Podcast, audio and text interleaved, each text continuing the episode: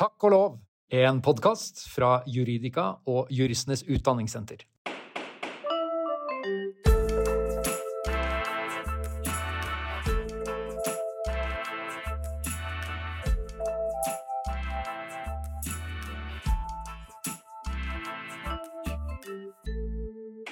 Hei og hjertelig velkommen til nok en episode av Takk og lov, en podkast for deg som lurer på hvordan jussen, og kanskje også juristene, egentlig henger sammen. I dag skal vi snakke om rettighetene til folk som sitter i fengsel.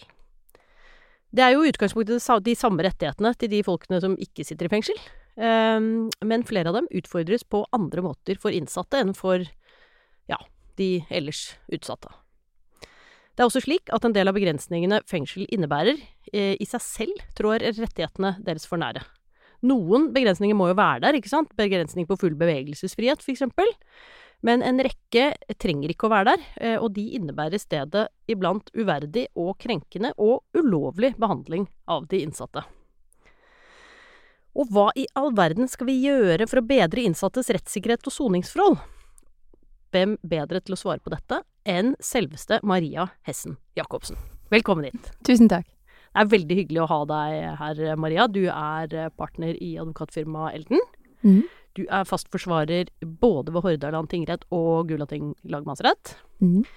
Jeg kjenner deg jo litt eh, fra siden, fordi vi jobber med menneskerettigheter begge to. Du er eh, leder av Advokatforeningens menneskerettighetsutvalg, hvor du har vært med siden 2017. Mm. Eh, du vant også Juristforbundets rettssikkerhetspris i 2021 eh, sammen med Randi Rosenquist, og det var jo nettopp for deres eh, helt avgjørende og langvarige innsats for å bedre innsattes rettigheter. Det var hyggelig. Ja, det var hyggelig å få være med på det. Jeg satt i juryen der, så det var en stor glede, vil jeg si, å få dele ut den prisen til dere. Um, ok, vi pleier jo alltid å varme opp ørlite grann før vi går over i den uh, alvorlige jussen, med et artig faktum om gjesten vår. Og der var det flere å velge. Det kan jo hende vi kan synge noen av de ufattelig mange salmene du kan underveis i episoden. Det vet jeg ikke egentlig. Jeg liker godt salmer, jeg også. Men det som fenget meg veldig, det var at du faktisk Du kan trikse og kjøre ganske langt på to hjul i rullestol. Stemmer. Ok, forklar. Hvordan opparbeidet du deg denne kompetansen? Jeg har vokst opp med en forelder i rullestol, ja. så både meg og min søster er blitt veldig drevne på å ha en radar på fortauskanter og andre utfordringer, altså universell utforming. Ja. Men vi kan også både trikse og snurre rundt og kjøre ganske langt på å ha konkurranser på sitte på to hjul på rullestol. Jeg har aldri tenkt mm. på dette som en, en, morsom sport, men det skjønner jeg at det også kan være. Det var gledelig. Ja. ja. Og du eh, burde antakeligvis, flere som deg, burde være ansatt, eller iallfall av og til eh, tilkalt fra Oslo kommune og andre steder for å utforme byrommet vårt, er det sånn? Det er mye vi ikke tenker over, som er vanskeligere for noen av oss enn andre. Mm. Det har slått meg Vi, jobbet litt med, med, vi har jobbet litt med rettighetene til folk med nedsatt funksjonsevne i NIM også. Da mm. Blir man jo oppmerksom på ting som man uh, ikke har vært frem til da. Altså mm. Jeg er ikke alltid så begeistret for denne retorikken om å kjenne sine privilegier, men uh, da kjente jeg veldig på mine privilegier. Alt mm. jeg har sluppet å tenke på frem til da. Mm. Ja. Ok, vi uh, skal dykke ned i dagens tema, som altså er innsattes rettigheter. Um, og der er det jo nok å ta av. Dette er jo en tematikk, altså hvordan innsattes rettigheter ikke ivaretas tilstrekkelig, som egentlig har vært oppe veldig mange ganger i ulike sammenhenger, opplever jeg i hvert fall. Så lenge jeg har jobbet med menneskerettigheter, så har dette vært et av de mest sentrale temaene. Mm. En av mine beste kolleger gjennom uh, både advokatverden og domfullmektigverden og på universitetet, Thomas Horn, skrev om uh, isolasjon, riktignok i varetekt. Uh, og overdreven bruk av isolasjonsinstituttet. Men jeg lurte på om vi kanskje skulle starte med det som muligens er, i den grad det går an å rangere, et av de største problemene, nemlig hvordan vi behandler psykisk syke innsatte. Mm. Kan ikke du snakke litt om det? Ja, eller kanskje omfanget av psykisk syke innsatte. Mm. Um, men også måten vi behandler de på. For eh, det vi vet i dag gjennom forskning og kunnskap, altså på faglig grunnlag, er at det finnes en uforholdsmessig stor andel av innsatte som har alvorlige psykiske vansker. Hvor, hvor stor er den andelen, omtrent? Um, Kramer-undersøkelsen fra 2014 viste at 92% av innsatte har psykiske vanskeligheter i en eller annen grad. Um, jeg tror over 40% har personlighetsforstyrrelsevanskeligheter. Um, 4% har psykose aktiv. Um, og så Ja, det er alvorlig. Um, og en veldig høy andel har um, selvdraps- og selvskadefare uh, kontinuerlig.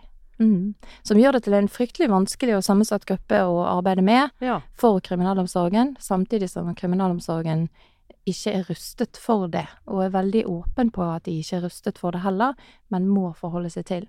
Um, mm. For dette er egentlig en type helseutfordringer som krever helsehjelp. Ja. Og det har ikke kriminalomsorgen uh, utdanning i, kanskje? Nei, det er vel heller ikke det som skal være primæroppgaven deres. Det skal være å rehabilitere og aktivisere og selvfølgelig begrense sikkerhetsmessig eh, og ivareta. Ja. Eh, og så skal helse komme inn og kompensere, men helse gjennom importmodellen per i dag kan ikke ivareta de alvorlig psykisk syke, altså de sykeste eh, innsatte. Og de blir gjerne fraktet til sykehus, de blir eh, returnert til fengsel i en litt sånn svingdørsproblematikk, de aller mest alvorlige. Og disse er vi åpne om at vi ikke klarer å hjelpe tilstrekkelig per i dag. Det er også sånn at innsattepopulasjonen har endret seg over egentlig ganske kort tid. Fordi at eh, økningen av de som får sone utenfor fengsel, altså i frihet med fotlenke og sånt, de eh, Det gjør jo at den populasjonen som sitter igjen inne, har mer alvorlige utfordringer, Ja. mer alvorlige forbrytelser, eh, og blir en annen eh, populasjon. Nettopp fordi den var eh, mer sammensatt av de holdt jeg på å si, relativt sett friskere eller mer mer Ja, og kanskje kanskje kompensere de litt og balansere litt, og gjør eh, Mm. Skaper en buffer. Eh, mens nå må kriminalomsorgen på egentlig vesentlig det samme eh, ressursmessige grunnlaget, og kanskje også mindre, håndtere eh, mye mer krevende populasjon. Eh, og det vil jeg tro også Det er en del statistikk som begynner å komme på og bli bedre på også vold og trusler i fengsel, sant, som viser noe av det samme. Ja. Mm. Bare, dette er jo ikke et nytt problem. Det har vært eh, påtalt fra ymse institusjoner og sivilsamfunn og mange opp igjennom. Absolutt. Hva, hva kan man gjøre det, hvorfor har det ikke vært gjort, og hva burde gjøres isteden, holdt jeg på å si? Jeg tenker jo at dette er ikke noe et politisk parti noensinne vil vinne stemmer på. Eh, Å kjøre som sak. Så det blir hele tiden eh, liggende etter. Det blir eh, ikke prioritert høyt nok. eh, Og det blir ikke adressert politisk. Og det er jo der egentlig det er jo der pengesekken sitter. Så bevilgende myndigheter må adressere dette. Ellers så kan ikke de nede på gulvet håndtere det på noen annen og bedre måte enn det de gjør per i dag. Er det bare et ressursspørsmål? Nei, det er også et regelspørsmål. Ja. Eh, regelverket har i veldig lang tid vært i eh, akutt behov av menneskerettslig revisjon. Altså det er ikke en rettighetsbasert lovgivning, sånn som i helselovgivningen man finner igjen i straffegjennomføringsloven. Der er det først og fremst sikkerhet og begrensninger som er regulert, mer enn rettighetene til de innsatte. Og så kan det være at vi befinner oss akkurat nå midt i en tid der det er i ferd med å endre seg lite grann. Ja, få Mm. hvordan, eh, hvordan skjer det? Eh, Akkurat nå er det jo regelendringer på, altså lovforslag på høring. Eh, Der er proposisjoner som er sendt. Der er midlertidige føringer på enkelte områder. Og der er også endringer i praksis som har skjedd på, på domstolskontrollgrunnlag. Hva slags da? Eh, Hvis du har, noen, har du noen eksempler? Eh, Det første begynte vel i 2019 med at Høyesterett sa at 22 timer, altså eh, eh, fellesskap i mindre enn to timer, skal kompenseres som om det var fullstendig isolasjon, for det er like skadelig. Ok, forklar oss. Vi, har, vi sitter i et fengsel og eh, på noen restriksjoner på en eller annen måte må unntas fellesskapet, og oppholde oss noe i isolasjon, eller i hvert fall utenfor der hvor de andre er. Mm. Og det kan gjøres hvor mange timer i døgnet i utgangspunktet? Eh, Det kommer an på hvilket grunnlag. Ja. Hvis du sitter som en del av den ordinære fengselspopulasjonen, eh, så var det ingen begrensning før på eh, på dette. Det var ikke noen sånn lovregulering i Norge, sånn som det er i Sverige og Danmark, at du skal ha minst eh, tolv timer utenfor selv hver dag. Det var rett og slett ikke regulert. Det kom, på, kom an på eh, dagsorden på den konkrete avdelingen du satt på, Ja. og det igjen beror jo selvfølgelig på bygning og bemanning og ressurser. Eh, Sånn at enkelte avdelinger, for eksempel i Oslo og Bergen fengsel, ble regulert med en dagsorden på én time fellesskap per dag, som gjorde at innsatte uten egentlig restriksjoner fra domstol eller andre, eller utelukkelse, eh, ble sittende 23 timer innelåst. Og det var det Høyesterett sa eh, nei til, Ja, og satte en grense på to timer, i alle fall, fellesskap. nettopp. Mm. Og det er på en måte ikke Det kan man ikke finne igjen i, i regelverket noe sted. Um, det har bare eksistert i rettspraksis, men blitt overholdt i, vir i virkeligheten. Ja, så disse utskjelte domstolen eh, som driver aktivisme og lager lover som politikerne ikke har laget, altså. Mm. Og det kan jo være greit når man er på et område hvor politikerne ikke syns det er så populært å lage noen lover i det hele tatt. Absolutt. Det har vært veldig effektivt. Mm. Godt. Eh, hvem er det som passer på at eh, holdt jeg på å si, regler og ting overholdes, bortsett fra dere advokater og domstolene, da? Er det noe tilsynsråd eller noen andre mekanismer inne i bildet her?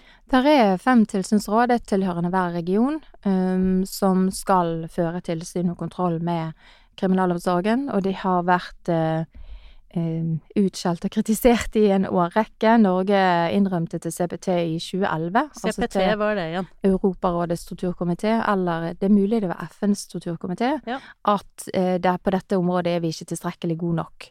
Eh, Og så har det ikke skjedd så veldig mye siden det. Det har vært noe, noe høringer, noen undersøkelser eh, og litt sånt. Og så har det vært eh, en del medieoppslag og mye kritikk.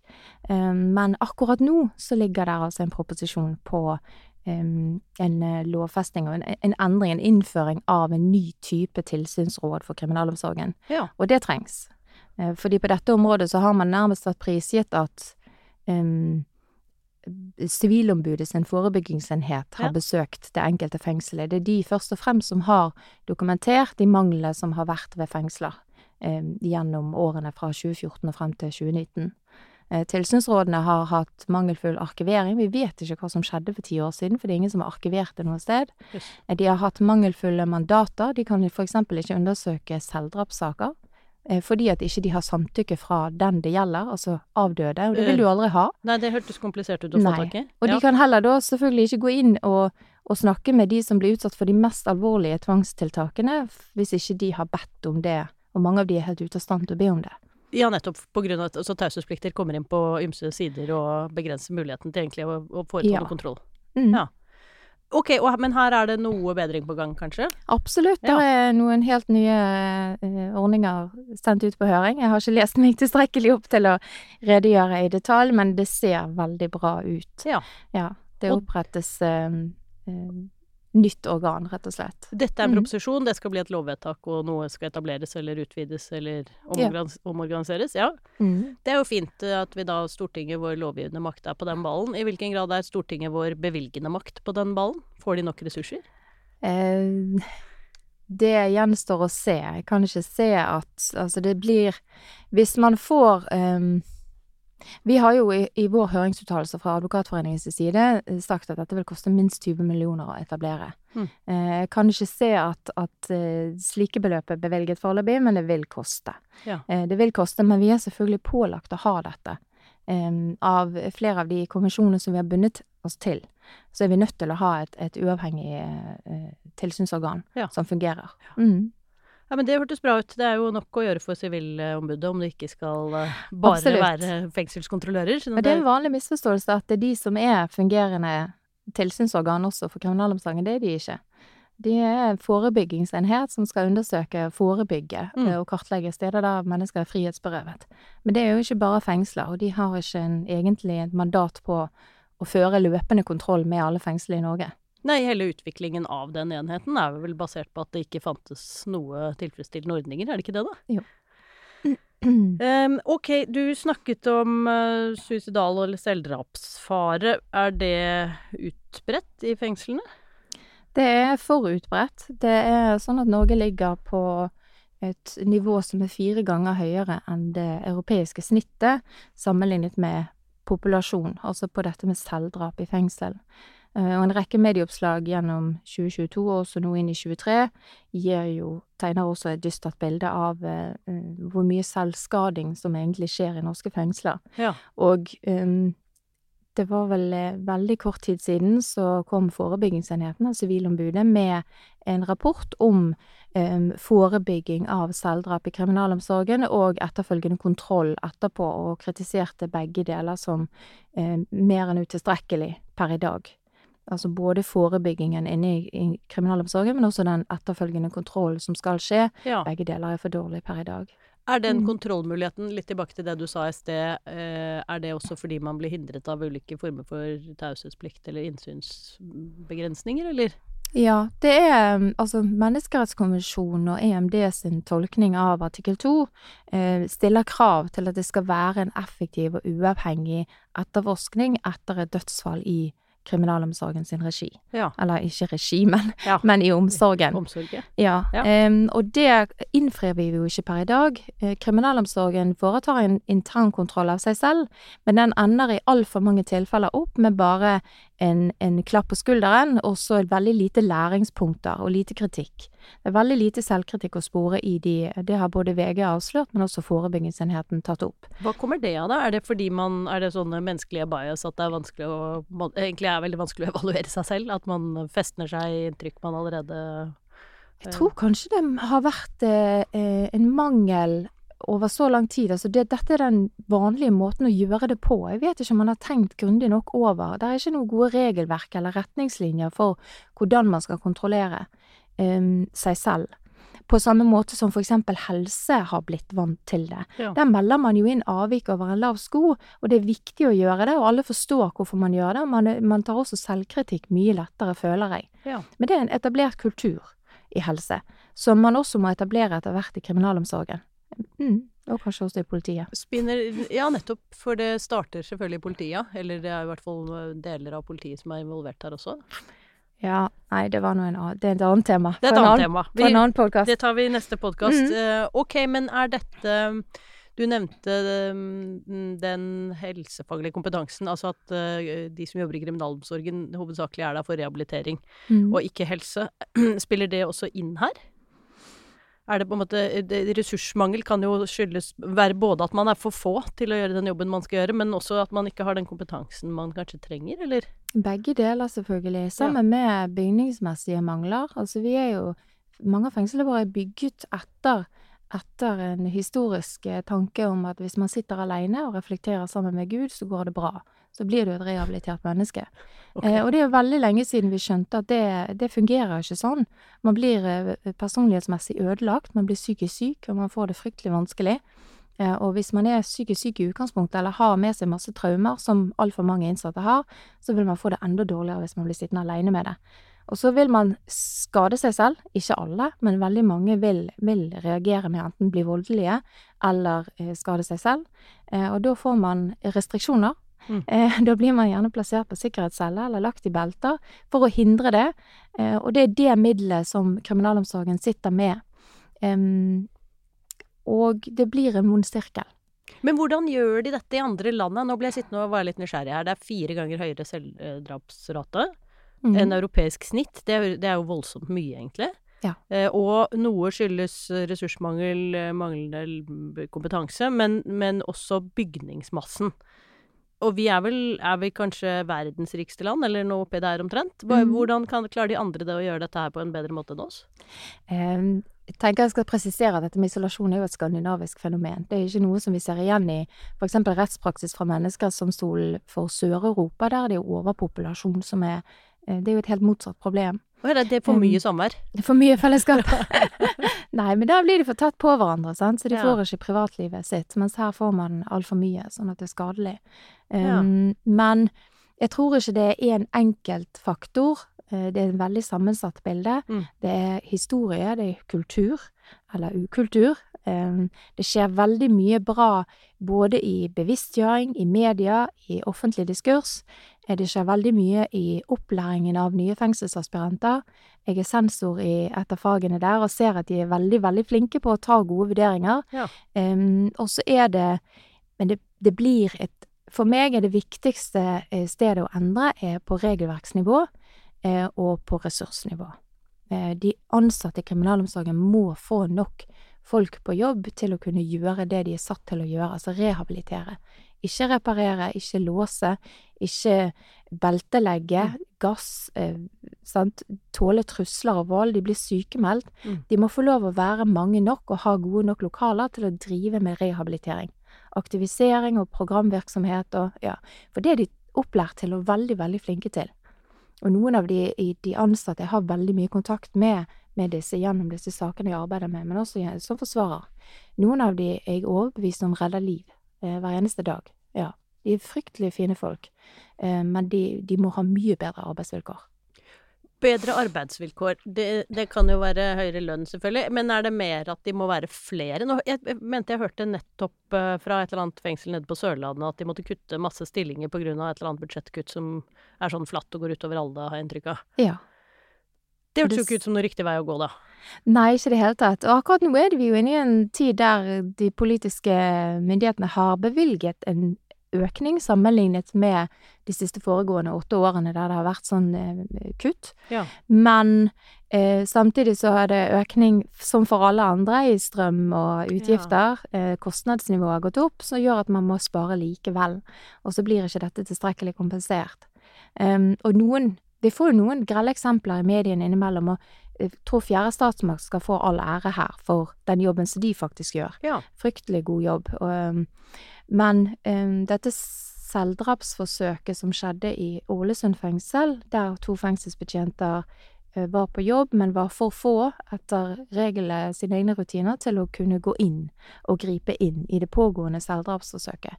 Um, og om jeg har forstått den faktiske situasjonen riktig eller ikke, det må jeg selvfølgelig ta et forbehold om, men de ansatte der peker i alle fall på dette med ressurser. Og det er noe som flere i kriminalomsorgen har vært tydelige på at de får ikke gjort jobben sin. Eh, og de får ikke gjort um, et minste av jobben sin heller, når de bare må låse dørene og passe på. Nei, du får et sånt ekko av, uten sammenligning for øvrig, fra helsevesenet, hvor, hvor, det er jo noe av den samme dynamikken, at man blir både klarer ikke å gjøre jobben sin godt nok, og i tillegg blir sykemeldt fortere fordi man blir helt utslitt. Mm. Ja. ja. Uh, vi må snakke ørlite grann du, du, nevnte dette med beltelegging. Mm. Uh, bare forklar kort hvordan det foregår, og hva som er uh, oppsider, i alle fall nedsider med det. Ja. Um, ja, psykiatrien og kriminalomsorgen har begge hatt tilgang til å bruke, altså legge folk i belter fast på en seng. Mm. Eh, og så er det klare grenser for det, og Menneskerettsdomstolen har vært tydelig på, blant annet overfor Danmark i en ganske fersk avgjørelse, at det skal du ikke kunne komme unna med over veldig mange timer før det går ut over eh, artikkel 3-grensen, altså nedverdigende behandling.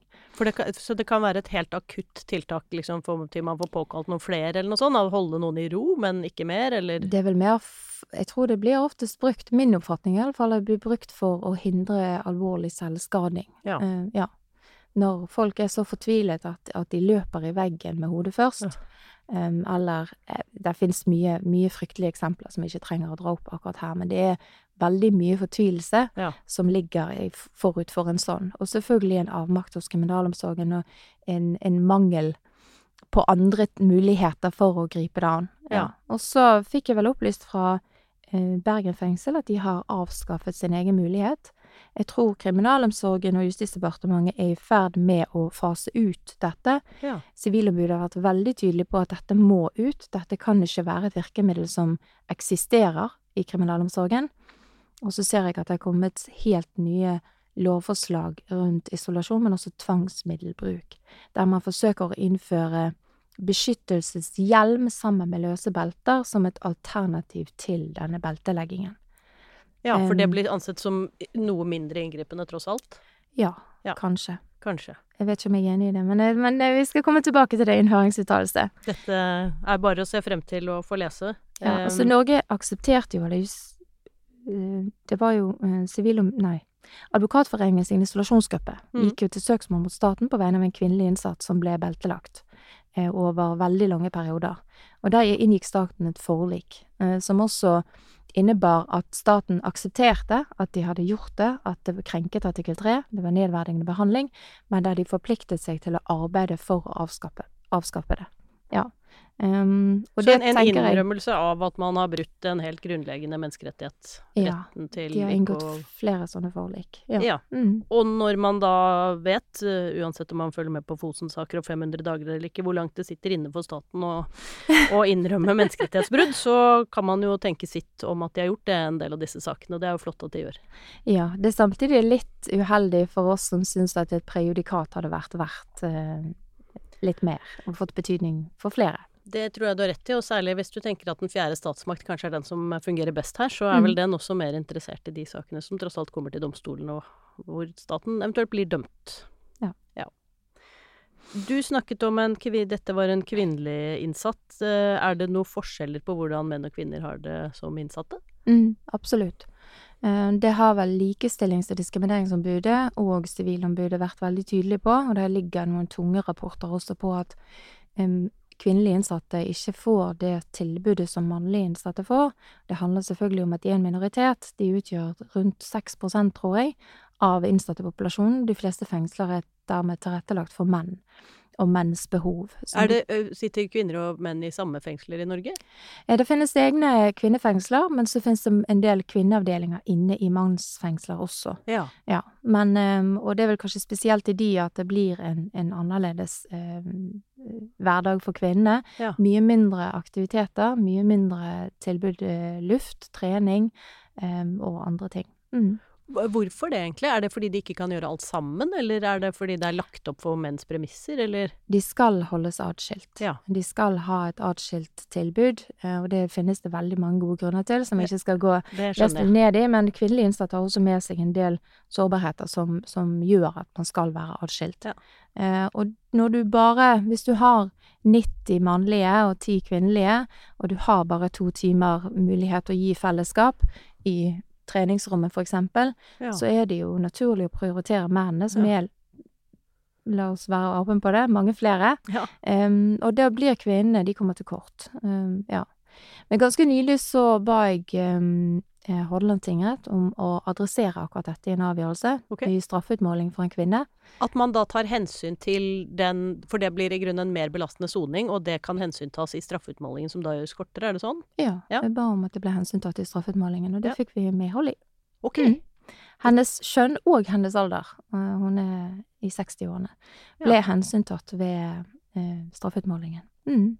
Den er ikke rettskraftig, men vi får se. Ja, men det blir spennende. Det er en fin begynnelse. Det, det høres ut som en veldig viktig begynnelse. Mm. Um, vi, må, vi, må, ikke helt glemme en gruppe som tidvis også sitter i fengsel, nemlig barn. Mm. Uh, hvilke særlige utfordringer står man overfor når det gjelder uh, straff av barn og unge?